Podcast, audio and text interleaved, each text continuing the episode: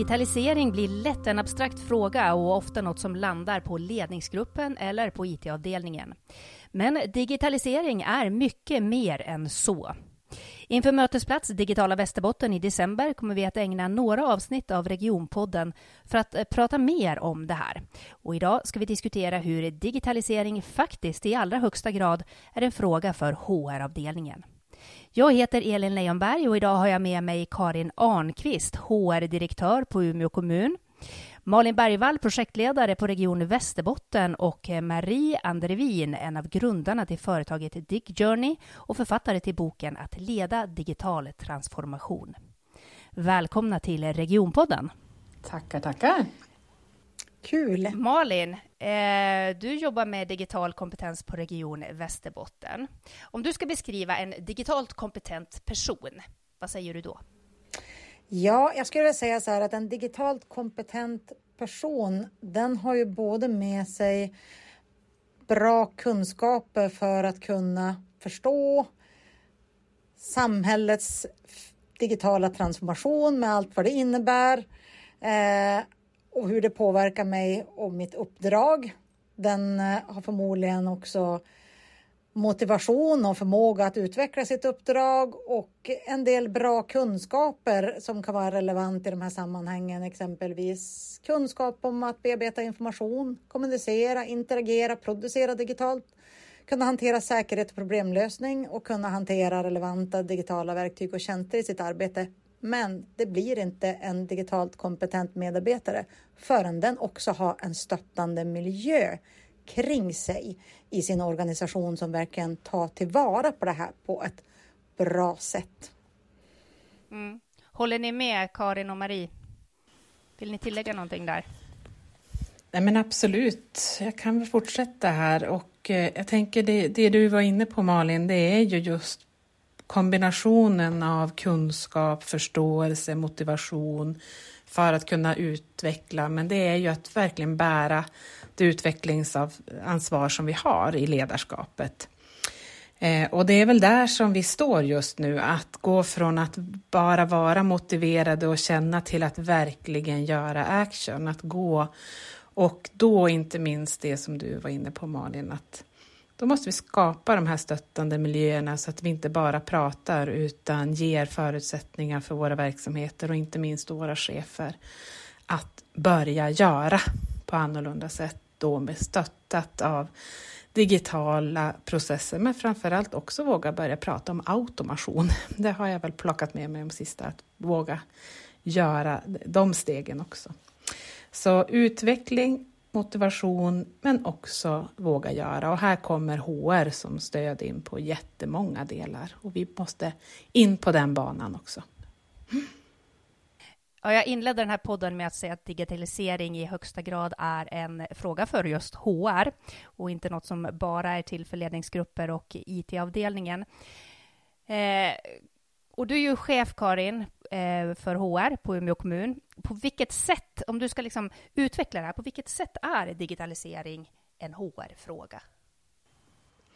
Men i grunden behöver HR möta upp med de grundläggande HR-processerna så att vi är, är moderna och möter de förväntningar som finns kring det så att vi har effektiva och, och fungerande processer. Men sen så behöver HR också kliva in på banan som förändringsstöd. Så att vi inte bara pratar i lite mer traditionella termer kring eh, utveckling av arbetsplatser och ledarskap. Och att vi håller oss i på våran traditionella kant och sen så lämnar vi de här digitala frågorna till någon litet digitaliserings eller IT-gäng där vid sidan av i någon bubbla. Utan att vi faktiskt får de här stöddelarna att smälta samman och att vi har en djupare förståelse om, om vilka utmaningar och möjligheter det även finns för ledarskapet och organisationsutveckling och medarbetarskapet i de här förändringarna som digitaliseringen både ger men också automation och, och, digitalisering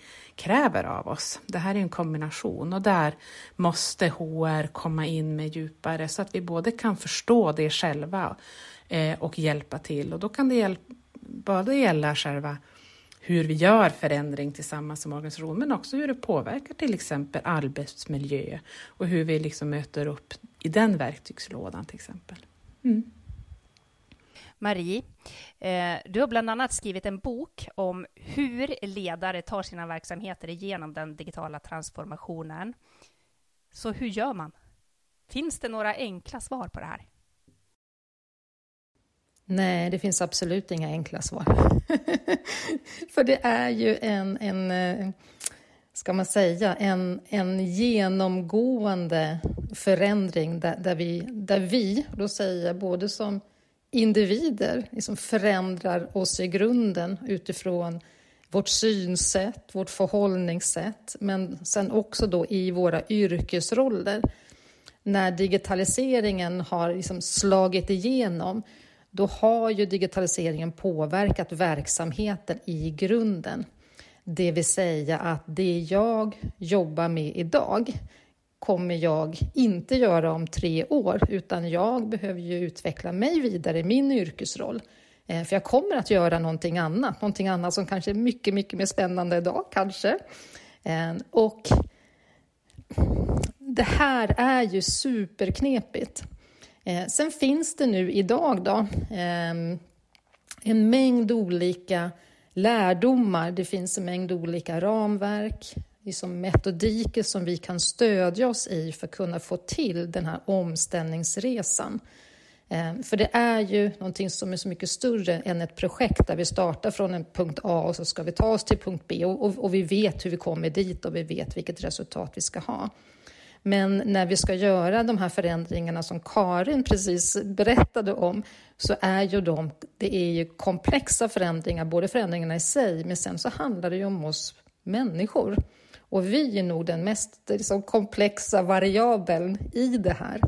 Eh, och utifrån mitt perspektiv, det här med att leda den här digitala transformationen eller den här omställningsresan för våra verksamheter, så har jag ett perspektiv att den här omställningen, den görs ju inte bara. Ibland pratar vi som så att verksamheten gör en omställning. Eh, det är ingen verksamhet som gör en omställning, utan det är var och en av oss som jobbar i verksamheterna.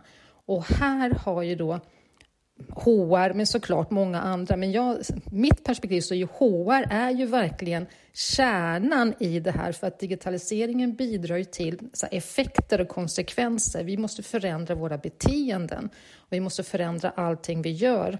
Vi måste förändra våra styr, eller måste, men för styrmodellerna kommer att förändras. Arbetssätten kommer att förändras. Hur vi gör saker och ting kommer att förändras. Arbetsmarknaden förändras. Eh, så att Ja, är det enkelt? Nej, men det är ju fantastiskt spännande. Men med de här metodikerna och ramverken som idag finns så kan vi ta oss, ta oss an det på ett mer strukturerat sätt, på ett mer metodiskt sätt och på ett mer utforskande sätt. Och här kommer vi då också in på hur ska vi då organisera oss och hur ska vi då arbeta med detta? Hur skapar vi rum? Liksom frigör vi rum i våra verksamheter? Och här tycker jag att HR har en jätteviktig roll, att, liksom att stötta verksamheten i det här och, och skapa de här rummen, skapa förutsättningar för de här rummen att kunna göra det. Malin, eh, du har sagt att HR inte alltid har upplevt att man får äga frågan. Vad menar du då?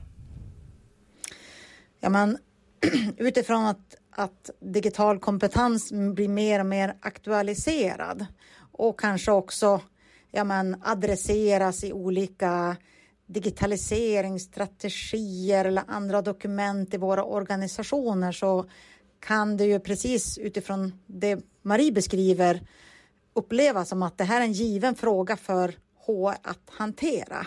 Men precis som det är med allt förändringsarbete så är ju även medarbetare inom HR är ju också människor och om det är så att andra har formulerat de här strategierna och satt upp dem medan man själva som profession inte har fått vara med och äga begreppen och, och liksom göra dem till sina så, så är ju det här eh, lite grann som att få en blöt katt i knät. Att det är ju kanske inte alltid så där, så där trevligt som, man, som det kan kännas när man själv har fått liksom sätta ord på och säga så här, ja men det här borde vara våran fråga. För att det här är, vi är kärnan i de här processerna. Ja, ett, ett perspektiv på det. Ehm, under de här åren som jag har arbetat med transformation så har jag mött HR-avdelningar. Alltså det, det, finns ju två delar. Den ena delen är att om jag ska hjälpa någon annan till förändring så är det ju väldigt bra att jag själv har gjort förändringen. Och där är ju också att HR liksom HR behöver göra sin egen förändring, sin egen transformation, i alla fall har startat upp sin egen transformation. För innan man har gjort det så är det väldigt svårt att kunna vara ett riktigt, riktigt bra stöd till övriga verksamheten. Om jag själv inte har gjort om mig så är det svårt att stödja någon annan. Och det där har jag upplevt har varit i obalans. Nu möter jag liksom någon, en helt annan vardag kopplat till HR. För nu tycker jag mer att liksom HR Eh, agera på ett helt annat sätt än vad de gjorde för ett par år sedan. Men den där tror jag är viktigt att, att ha med sig, att det är svårt att vara ett riktigt bra stöd till verksamheten om man själv inte har gjort resan eller själv har påbörjat sin egen transformation. Ehm, så det är ett perspektiv att ha med sig.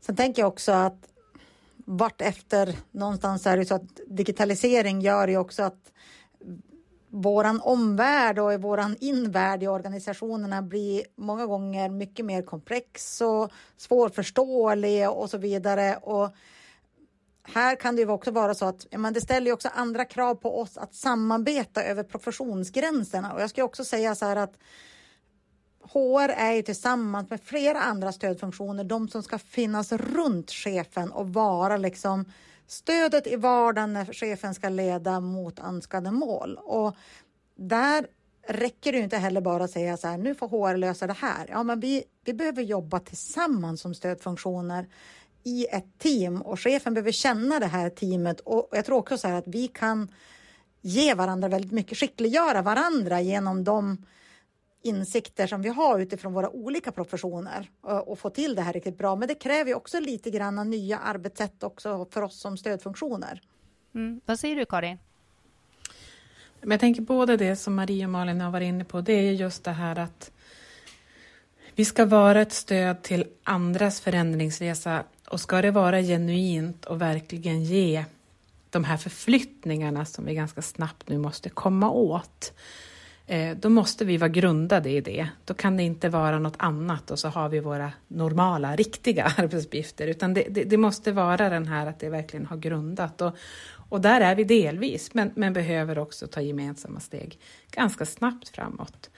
Eh, så att det är ju både en, en logik i hur HRs uppdrag och interna arbete behöver förändras för att möta just nya förväntningar som, som ni var inne på.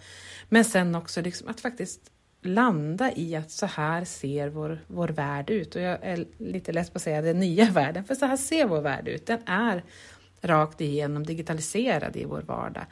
Eh, men, men att just leda och leda andras eh, och stötta andras framför allt och transformationsprocesser som det så fint heter. Det, det kräver att vi har landat och grundat och känner oss trygga i det. För det handlar mycket, vad jag förstår, om att just skapa den här förståelsen kring vad som händer kring digitalisering. Visst är det så, Marie? Absolut, det är ju, tycker jag själv, det är det första, det första steget, att vara nyfiken och få en, en väldigt bred, generell förståelse. Alltså, vad händer i, i vårt samhälle som är då pådrivet av digitaliseringen? Eh, och här är det ju att digitaliseringen är ju både på gott och på ont och, och få de perspektiven. Och digitalisering är ju både en kraft som, som, som bidrar till förändringen men det är också ett verktyg, ett medel som vi kan använda oss för att göra saker och ting liksom mycket, mycket bättre. Och känner jag som, som, som medarbetare att jag inte riktigt har den förståelsen Eh, då skapar det en osäkerhet. Och då blir det liksom en osäkerhet och då blir det en rädsla och, och, och då blir jag inte heller riktigt motiverad. Så just den här breda förståelsen eh, tycker jag själv är oerhört viktig för att liksom starta eller starta eller liksom mobilisera kraft och kunna öka på den här eh, möjligheterna som vi har till att göra om, omställning. Det är superviktigt. Eh, och ibland kan jag möta att, att man man skyndar på den, att man tycker att den... Vi borde ju förstå idag, vi har ju varit i det här väldigt länge. Men det är inte så enkelt, det är ju väldigt svårt. Ehm, att kunna greppa liksom, de, de, större förändringarna. Och här tycker jag är superviktigt att vi skapar de här utrymmena, möjligheterna för att samtala kring de här samhällsförändringarna. Eller de här, ska man säga, den... Ja, jag stoppar där, samhällsförändringarna. Mm. Jag tänker att eh, många organisationer är ju ganska fasta i sin struktur om vilken avdelning som gör vad och vem som äger vilken fråga, så att säga. Hur ska man då få liksom, HR-avdelningar att känna att ja, men det här är en fråga för oss också och det här är också våran fråga, så att säga? Karin? Jag tror inte att det är någon fara alls. Alltså vi, vi pratade tidigare, alltså det som är inbyggt i HRs eh, DNA, det är att vi är en stödstruktur och finns där verksamheten finns. Vi, HR-processerna och den samlade HR, oavsett om det är en stor eller liten organisation, det är inte något annat, utan det är en, en stöd till kärnverksamheten. Eh, så det tror jag är väldigt naturligt, men däremot så, så behöver man ju ge även den professionen en chans att, att känna sig trygga i den transformationen också, så att man liksom får koda om vissa saker och också får beklä sig. Men att, att HR liksom inte skulle se det som sin del, så länge man, man fortsätter att vara ett relevant stöd till verksamheten, det, det är alltid viktigt för HR. Och det är ingen enskild avdelning, utan här är det just det faktum att det, vi är alltid nära verksamheten. Mm. Malin, du jobbar ju just med att leda utbildningar eh, för ledare som ska liksom, lära sig mer, få mer digital kompetens. När du möter HR-chefer till exempel då, eh, vad, vad ger de för bild av eh, nuläget? Ja, men jag tänker att, att det är ju det är ju alltid så för egentligen oavsett vilken profession det handlar om att, att eh, man är i ett ganska pressat läge utifrån att hantera nutiden. Eh, och det, jag tror att någonstans så förstår man ju också att ja, men vi har en roll kring att, att, att stötta för framtiden men, men, men den första reaktionen kanske är att, mer så här att hur ska vi kunna vad ska jag säga, få utrymme för det här. För det är ju klart att alla har ju redan fullt i sitt uppdrag. Eh, det är väl kanske en av utmaningarna i det här. Och, och sen så, så eh, är just den här lite knäckfrågan att, att komma åt de här dimensionerna som mer handlar om att förstå transformationen som en, en och, och, och liksom att det kanske förväntas nya agerande av mig som är det centrala i den digitala kompetensen och att det kanske inte handlar så väldigt mycket om om jag är bäst på Excel, eh, som kanske har varit den här rådande bilden. Är jag digitalt kompetent så kan jag systemen. Och, och eh, för jag tror att det, kommer man över det, då blir det också lättare att man känner att frågan är vår. Men jag tror att grundförståelsen finns att det, det är en HR-fråga, men att det är också så här att det gäller någonstans att yxa in det i hur man utför uppdraget idag. Eh, ni har ju varit inne på det här just med att digitalisering, det är ju ingenting statiskt. Det är ingenting som man lär sig en gång och sen är man klar. Eh, utvecklingen går väldigt fort. Man ska hinna göra alla sina andra arbetsuppgifter, har ni också varit inne på. Hur ska man förhålla sig till det här då? Måste man liksom förändra hela strukturen på något sätt i, i eh, hur man jobbar? Om man ständigt ska kunna hålla sig uppdaterad. Karin? Så jag, jag tror att vi ska, göra, vi ska göra digitaliseringen en tjänst genom att inte prata om det så himla mycket som en, en, en egen typ av utveckling. Nu, nu, har vi ändå kommit, det är nytt, men det är, vi har ändå kommit så pass långt att det är liksom det är ingen, ingen puckel kvar att, att alla verksamheter ska tänka att en digitalisering, det kommer vara en grej för oss också. Eh, där, där är, är vi liksom ändå så pass mycket. Men sen så är vi fortfarande i brytpunkten att vi pratar om digitaliseringens möjligheter och vi pratar om den, ja. Men jag är ganska angelägen om att vi ganska snabbt behöver börja prata, inte om digitaliseringen som en möjlighet, utan som en rakt igenom nödvändighet. Och då behöver vi också börja beklä oss i ledning, styrning och, och utveckling med det otroligt tråkiga begreppet nyttomaximering.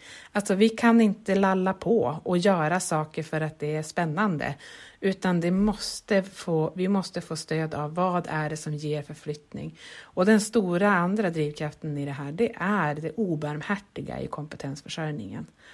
Vi måste, vi måste använda de utmaningar som kompetensförsörjningen. Vi har så länge pratat om automation och digitalisering som en väg att möta det. Men nu måste vi börja beklä oss själva och våra verksamheter med verktyg i hur hämtar vi hem de effekterna?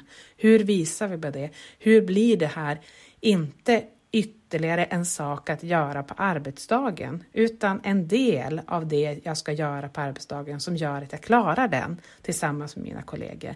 Det är det brytpunkten. Det är mindre möjligheter och mer nödvändigheter och här känner jag att eh, vi behöver fokusera som offentlig sektor inte minst. Mm. Håller du med om det, Marie?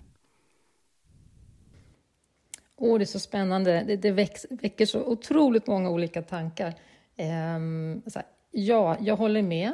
Ehm, och samtidigt så, så, så, kände jag så här, åh, det, det skavde lite i magen utifrån, eh, och, och, då säger jag det med ett leende till alla er som, som, som inte ser, ser mig eh, här i podden.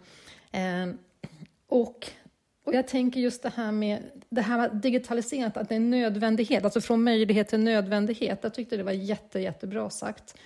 Eh, och, och, och, det vi önskar att komma till det är ju såklart att vi slutar prata digitalisering överhuvudtaget utan det bara är en helt naturlig del av vår vardag. Det är ju dit vi önskar att komma, att det blir den här, det helt naturliga. Eh, samtidigt så möter jag att vi är långt ifrån eh, där. Eh, jag möter ju chefer i, i olika utbildningsinsatser vi gör nu Eh, Eh, som blir oerhört frustrerade med så här, ja, alltså det är lätt att prata digital kompetens och vi ska nyttja digitaliseringens möjligheter, men vi har en dator på hela enheten, vi har inga mobiltelefoner. Eh, och, och när liksom de grundläggande förutsättningarna som är digitala pryttlar som faktiskt ska hjälpa oss, när de inte riktigt finns där, då, då blir det ju svårt att träna och få den här nyfikenheten och börja göra. Ehm, så att eh, jag tänker den här snöret på vart vi befinner oss någonstans, som, både som individer men som, som team i våra organisationer, den är väldigt lång. Så vi är på otroligt olika platser i den här resan. Ehm, jag kan stoppa där och så skulle jag vilja bara få in Karin, mm. för jag tror att du ville, ville Jo, men för jag vill haka i där, för det är ju den här, det är precis här jag känner att nu är det igen så att de gemensamma ledningarna måste kliva in på banan kring digitalisering. För vi har varit i ofint uttryckt av mig, myspyslandet digitalisering först och det är möjligheter och det är kundnyttor och det är bappara. Men nu handlar det om att också våga bryta våra styr och ledningsfunktioner, precis det du är inne i Marie. Eh, vi har i offentlig sektor, nu har jag ju haft eh, glädjen också att vara inom industri och privat, en ganska traditionell syn på hur vi investerar, vad vi investerar i, vad ser vi som en, en, en förutsättning för det ena och det andra.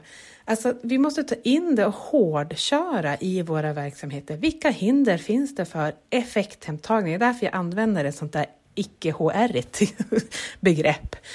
Eh, jag tror att, att HR eh, och vår profession och det vi behöver göra, vi måste kroka arm eh, med våra ekonomkollegor. För vi måste beklä de här processerna med lite olika begrepp, precis det som Malin var inne på, att man måste få göra det till sin. Vi har våra ekonomer och vi har våra styrfunktioner och logiker i det. Vi behöver få det här att mötas ganska snabbt. För det är faktiskt så att tiden rinner ifrån oss. Vi måste visa på att vi kan ge, annars så kommer det det lösas åt oss genom att vi kommer få hantera eh, brister när det brinner. Och vi vill inte hamna där. Så att eh, precis det du är inne på Marie, att våga bryta i de helt naturliga men ändå inte, jag brukar säga, det är inte av Guds, givet att en investeringsprocess ska se ut som den gör i en kommun eller en region. Utan det är våra egna arbetsformer, hur vi, vad vi värderar i vilken fas eller inte och, och, att ge förutsättningarna för effekthemtagning, men också då våga prioritera vilka processer vi verkligen ska jobba med.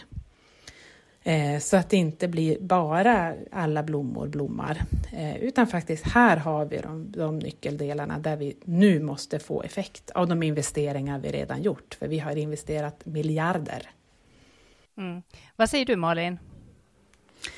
Ja, men jag hakar på lite grann det Karin är inne på, just det här med säkerställa nyttohemtagningen. Och där tror jag också att det finns vinster av att ja, men, HR-ekonomer med flera, ska jag säga också som stödfunktioner, att, att vi också fortsätter tala samma språk. För om det är någonting som gör att det blir läckage i nyttohemtagningen, det är ju när styrsystemet och stödfunktionerna gå mot varandra i vad det är för någonting vi kommunicerar. Och det var lite grann det jag inledde med när jag pratade om det här med den digitalt kompetenta medarbetaren eller chefen. När jag har en miljö kring mig som som möjliggör att, att min kunskap tas tillvara, ja men då får jag ju väldigt fin effekthemtagning. Och det jag tror att HR behöver komplettera med, det är ju att kunna visa att, att arbetet med att verkligen sätta en kultur och styrning för tillitsbaserad ledning och styrning att verkligen säkerställa att medarbetarsamtal och lönesamtalsprocessen går hand i hand med det här. Att vi också möjliggör lärande på fler sätt än bara det formella lärande och kan kommunicera det. Ja, men man kan ju bidra med otroligt fin nyttohemtagning utifrån det som faktiskt alltid har varit traditionellt HRs arbete och faktiskt också kliver in på digitaliseringsbanan av, av bara farten. Mm. Men Marie, du har ju varit inne på det här just med att vi är alla individer, vi är människor. Vi människor är ju kända för att inte ha jättelätt att ändra våra beteenden. Vi vill väldigt gärna göra som vi alltid har gjort. Men det här är här och nu. Eh, vi behöver vara en del av den här förändringen. Hur ska man liksom jobba för att få den här beteendeutvecklingen hos varje individ? Mm. Eh så här, eh, bara snabb reflektion så där. Så här, å ena sidan, så här, nej, vi vill inte förändra oss, liksom vi har våra satta beteenden. Men å andra sidan så kan vi ju förändra oss jättesnabbt. Och det som är så häftigt, och då, kom, då får man ju som referera till lite olika typer av digitala tjänster som man själv kliver på. Och på mindre, kanske en, ibland en halv minut, så har jag liksom förändrat mig. Jag har bestämt mig, det är så här jag ska göra nu och så kör jag det vidare. Utan att jag själv är medveten om det. Så, så, ibland gör vi ju helt omedvetna val och så förändrar vi vårt beteende. Medan andra saker, så, mm, då, då, då, sitter det liksom lite hårdare och det tar väldigt lång tid. Jag skulle själv byta dator ifrån en PC till en Mac. Det tog mig sex månader och jag tycker ändå att jag är väldigt förändringsbenägen, tycker jag. Men det tog ändå sex månader och då var det så här, okej, okay, vad var det då som gjorde att jag inte gjorde den förändringen?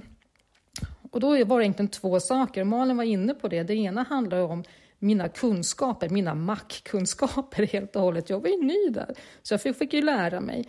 Men sen handlar det också om den struktur jag var inne i. Så hur lätt var det att föra över saker och ting? Hur lätt var det att kunna börja använda sig macken i den miljö som jag arbetar i? Och det var inte så enkelt eftersom jag var den enda som hade Mac och alla andra hade PC. Jag kom inte in i systemen och så vidare. Så det finns många sådana hinder till att få till den här liksom beteendeförändringen. Eh, men det, det finns fyra olika förmågor som eh, vi jobbar väldigt liksom mycket med för att kunna hjälpa till att få en, en lyhördhet för liksom, att få till förändringar och de här beteendeförändringarna. Eh, och, och, den ena delen handlar ju om nyfikenhet, att hjälpa människor att bli nyfikna. Eh, och det kan låta lite larvigt, men jag tror att vi har varit... Alltså vi jobbar på ett jobb i ett system som handlar om att jag kanske går till jobbet, jag gör mina uppgifter, sen går jag hem och jag har gjort de här uppgifterna i fem år eller tio år. De förändras inte så mycket och jag behöver inte vara nyfiken. Det jag är nyfiken, det är vad jag gör med mina jobbarkompisar och sådär. Då är vi supernyfikna, men i mitt jobb kanske jag inte är så nyfiken. Eh, men att få till den här nyfikenheten och just det där, eh, jag brukar säga så här, men om vi ska vara nyfikna, kan vi inte börja vara nyfikna kring hur vill du ha din arbetsdag bättre? Och så är vi nyfikna kring det och så hittar vi något och så börjar vi träna på att försöka få till det. Och då är vi inne i innovation, att börja göra. Då tränar vi vår liksom, så kallade innovationsförmåga. Och sen så behöver vi ju också bli duktiga på att just identifiera så här, men vad är det vi liksom ska förbättra. Jag tror du var inne på det Karin, vi kan inte förbättra allting, alltså låta alla blommor få växa och så precis vad som helst. Och där behöver vi också bli duktiga liksom på att få den styrningen. Och sen har vi det här med att öka den här förändringsförmågan eller förändringsviljan. Och då tror jag väldigt mycket på att jobba med det som stärker min inre motivation. Och, det, och när jag pratar om det så, så kan jag liksom referera till det som Malin sa med tillitsbaserad styrning och ledning. Den är ju baserad på att vi försöker få ut kraften till varje enskild medarbetare. Just att medarbetaren vill och den kan. Om vi bara liksom hjälper till så får vi till det här. Och de här fyra olika liksom förmågorna, om vi blir liksom bättre och bättre på det, då börjar vi också så här, omedvetet skapa utrymme, för tiden är ju någonting som vi alltid har, vi har inte tid med det här, vi har inte tid, vi har inte tid. Men börjar vi jobba med det här i det lilla på ett strukturerat och metodiskt sätt, då kommer helt plötsligt tiden in, för då blir det kul, vi ser att det blir förändringar, vi gör små steg och helt plötsligt har vi slutat göra saker och ting som, så här, ja men just det, det har vi slutat med. Och så har vi haft tid och då blir ju min roll som ledare att skifta den här nya tiden till lite mera kanske, lite mera framtid eller lite mera utifrån en, som nu är det det här vi ska liksom få till och sätta. Eh, så då kan jag styra liksom den resan och jobba med de här beteendeförändringarna. Då. Eh, och jag tror mycket på det här med, med samskapande. Och det är ett ord som vi säger hela tiden, men Ibland är det ju inte så svårt. Ibland är det bara att sätta sig ner och titta på okej, okay, vi har tre saker som vi tycker vi ska bli bättre på därför att. Ja, men okej, okay, låt oss utforska den här saken. Vad innebär det att bli bättre på det här? Och så ställer man sju, åtta frågor. Och efter det så är det ofta så här, men ja, varför inte? Ibland så är det inte så där jättesvårt att få med sig medarbetare, bara vi skapar den här miljön där vi kan sätta oss ner och diskutera öppet, härligt och trevligt tillsammans med ingångsvärdet nu ska vi göra någonting tillsammans som gör att vi får det bättre, de som vi, få, de som vi är till för får det mycket, mycket bättre och att det såklart gynnar vår verksamhet också. Ehm, så där är lite sådär, eller enkla, ja det är enkla tips. Allt annat är svårt, men det här är enkelt. Mm. Eh, Karin, som HR-chef, vad tänker du om det här? Jag tänker de delar som, som Marie är inne på nu, det, det är ju de grundläggande ingredienserna för att man ska vara en medskapande medarbetare och chef. Vi vet att det är förutsättningen för en god arbetsmiljö. Vi vet att de här förutsättningarna är liksom grundingredienserna för att vi ska vara en attraktiv arbetsgivare. Så att det här är ju liksom, det är de här mänskliga delarna som gör att man vill vara tillsammans, man vill finnas på en plats, man vill utveckla och man vill göra nytta. Eh, och det är det som jag tycker är så bra, det Maria är inne på, det är att de digitala processerna eller digitalt stödda processerna, det är inget annat. Det är mänskliga processer med digitala stöd. Och det är alltid människorna i det som behöver både stöd och nyfikenhet, eh, tycker jag är jättehärligt att, att det får vara i fokus. Eh, och det här samskapandet. Så det är ju mitt smack där, där HR känner sig trygga i, i sina begrepp, om vi ska liksom knyta an till den delen. Eh, men sen är det viktigt också att det går till att vi också identifierar vart är vi har organisatoriska hinder, för det är också en viktig del eh, för HR att, att identifiera tillsammans med ledningen och, och ledningsstrukturerna i övrigt. Vart är det som det är hinder för att vi ger det här medskapande utrymmet även i de här förändringsprocesserna eh, utrymme att ge effekt i, så att vi inte hamnar i Eh, att vi sätter igång och pratar och inte ger dem förutsättningarna att få backlash helt enkelt. Ja, men jag tänker knyta an lite grann till, till det du har beskrivit Marie och även tillbaka till, till Karins inledande kring, kring nyttohemtagningen. Utifrån de här förmågorna som Marie beskriver så tror jag att det också är viktigt återigen om vi ska förena hur vi uttrycker oss kring våra chefer att vi också förstår att i en i ett läge där vi ska förnya oss och en hel del saker är osäkert så är också vägen till nyttohemtagning är kanske lite annorlunda än det traditionella arbetet med ständiga förbättringar. Och där tror jag också att vi behöver ha modiga ledare och stödfunktioner som också mäter rätt saker. För risken när vi också pratar om att få en snabb nyttohemtagning och vi samtidigt ska stötta nyfikenhet och test och utveckling för att vi ska ta oss framåt, det är att vi lite grann dödar kreativiteten för att vi tänker att ni ska visa nytta med den här samma månad som ni har börjat eh, och då blir man rädd för att misslyckas och det, det kan ibland dämpa det här. Så det gäller också att, att vad ska jag säga, vi ska ha säkra metoder för nyttohemtagning, men det är metoder som också ska fungera i en värld av osäkerhet. Ja, alltså jag tänker det som är viktigt, det är att vi liksom pratar om, alltså, våra verksamheter ska drivas av en verksamhetsnytta där man ser medborgare och brukares och andra eh, eh, mottagares fokus.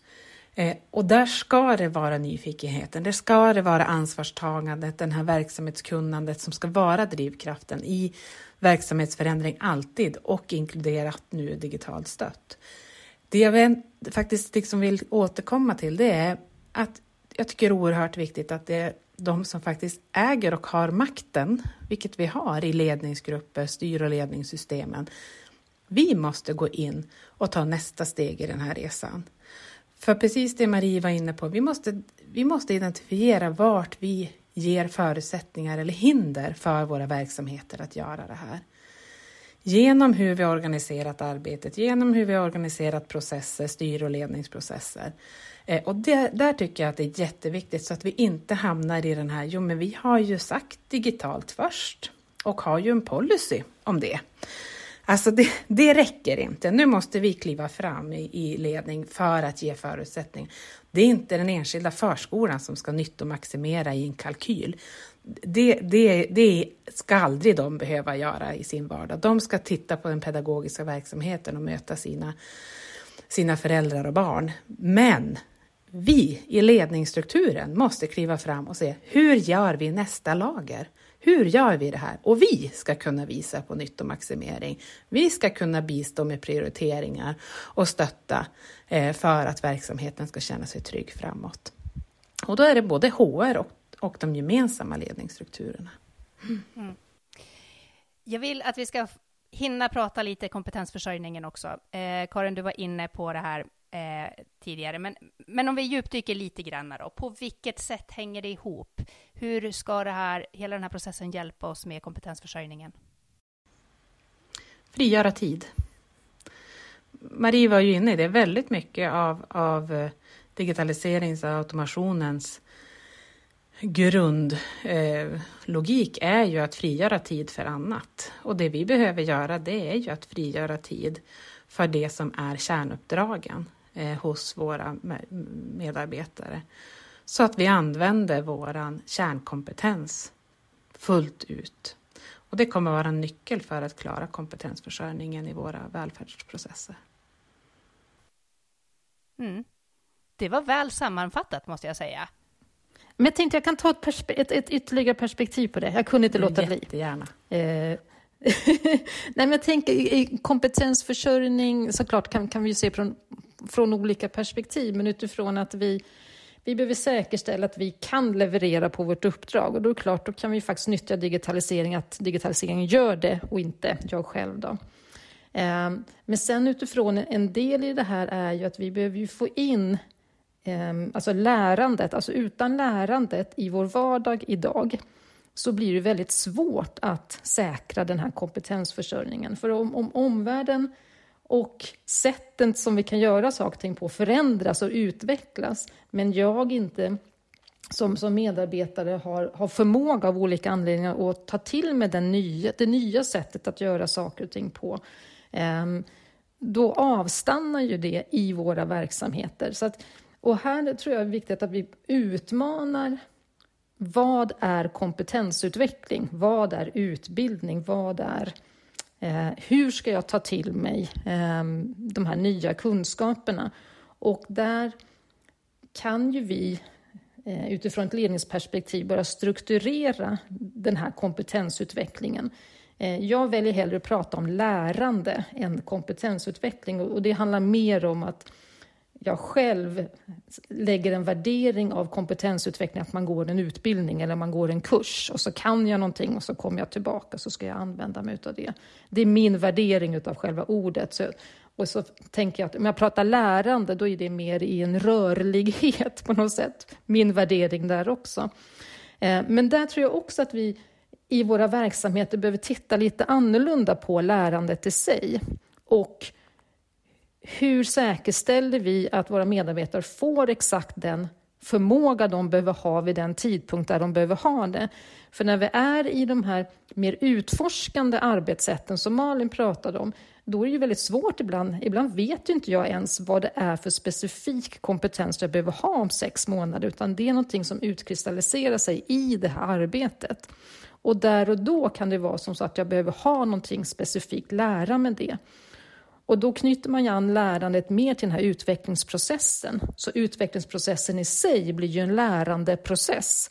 Och när man börjar tänka på det sättet, då tycker jag det blir väldigt för mig blir det intressant om man vänder lite på steken att allting vi gör är en lärandeprocess. Utav det så kommer sjukt coola appar och e-tjänster och nya styrmodeller och så vidare, men allting är en lärandeprocess. Och helt plötsligt så kommer lärandet först. Nu viskar jag lite. Lärandet först, för medarbetarna ska vara först i det. Eh, och har man det perspektivet, då händer det någonting i när vi börjar organisera oss och hur vi jobbar med kompetensutveckling i våra verksamheter. Ehm, jag stoppar där. Det jag bara vill addera lite perspektiv av det som knyter an till varför jag går, säger återkommande från möjlighet till nödvändighet, det är att vi faktiskt sitter nu redan nu i stora delar av offentlig sektor och inte minst i norra Sverige och i en accelererande fart. Att det är lite bedrägligt när vi pratar om kompetensförsörjning och kompetensförsörjningsbrist, för det, det, leder vår hjärna till att tro att det är brist på kompetens och så kopplar vi till kompetensutveckling. Egentligen ska vi prata om personbrist. Det saknas folk. Eh, hur mycket vi än vill ersätta ett mot ett vid en, en vakans eller i en framtida behov med volymökningar så saknar vi ser redan nu och det, ser, det accelererar. Vi saknar människor. Så den här tidsfaktorn och nyttomaximeringen som jag pratar om, det handlar ju om att de vi har ska verkligen kunna känna att de kan använda sin kompetens som är riktat mot välfärdsreferens. Det är det de ska få lägga tiden på. Det där andra ska, ska annat lösa. Eh, för vi kommer vara så oerhört rädda och det är vi redan idag, men ännu mer om att verkligen maximera välfärdsleverans på de tillgängliga kompetenstimmarna. Eh, så det här är liksom den logikförändringen vi måste jobba med. Det är inte kompetens det är brist på, det är människor. Eh, och därför så måste vi koppla an digitalisering och automation i det. Hur frigör vi vår välfärdsproducerande tid så att det får ge den maximerande nytta? Malin, avslutningsvis. Eh, om man sitter och lyssnar på den här podden nu och tycker att men det här låter ju jättespännande, jag vill också. Vad gör man då? då? Kan man vända sig till dig eller hur, hur, hur går man tillväga för att liksom om, man, om du tänker att man vill mer? bli mer om man blir mer digitalt kompetent? Ja, precis. Om man vill lära sig skapa den här nyfikenheten bland medarbetarna, man vill lära sig själv. Man vill liksom, vad gör man? Ja, men jag tänker så här att det är, det är olika steg. Vår roll på regional utveckling, det handlar ju också om att nu samordna det här, vad ska säga, samskapande av nya sätt att eh, både skapa lärandeinnehåll och, eh, Eh, och former för lärande tillsammans mellan organisationerna. Så det första steget tänker jag fortfarande att att gå tillbaka till, in i sin organisation och känna att ja, men jag har tankar och förväntningar om att jag vill bli mer digitalt kompetent utifrån vårt uppdrag. Att jag behöver ändå ta hem det.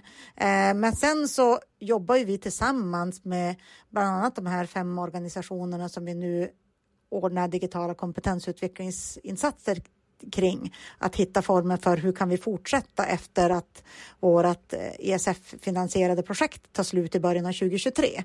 Eh, för det är ju också lite grann så här att ja, men vi, har, vi har människobrist precis som Karin säger eh, och vi har liksom liknande utmaningar så att även när det gäller vårt lärande så behöver vi fortsätta hitta former för hur vi kan göra sånt gemensamt och facilitera delar som inte heller ska bli alltför personberoende. Och här har ju vi på regional utveckling också en gemensam lärandeplattform eh, som en, där vi också samlar lärresurser från våra olika projekt.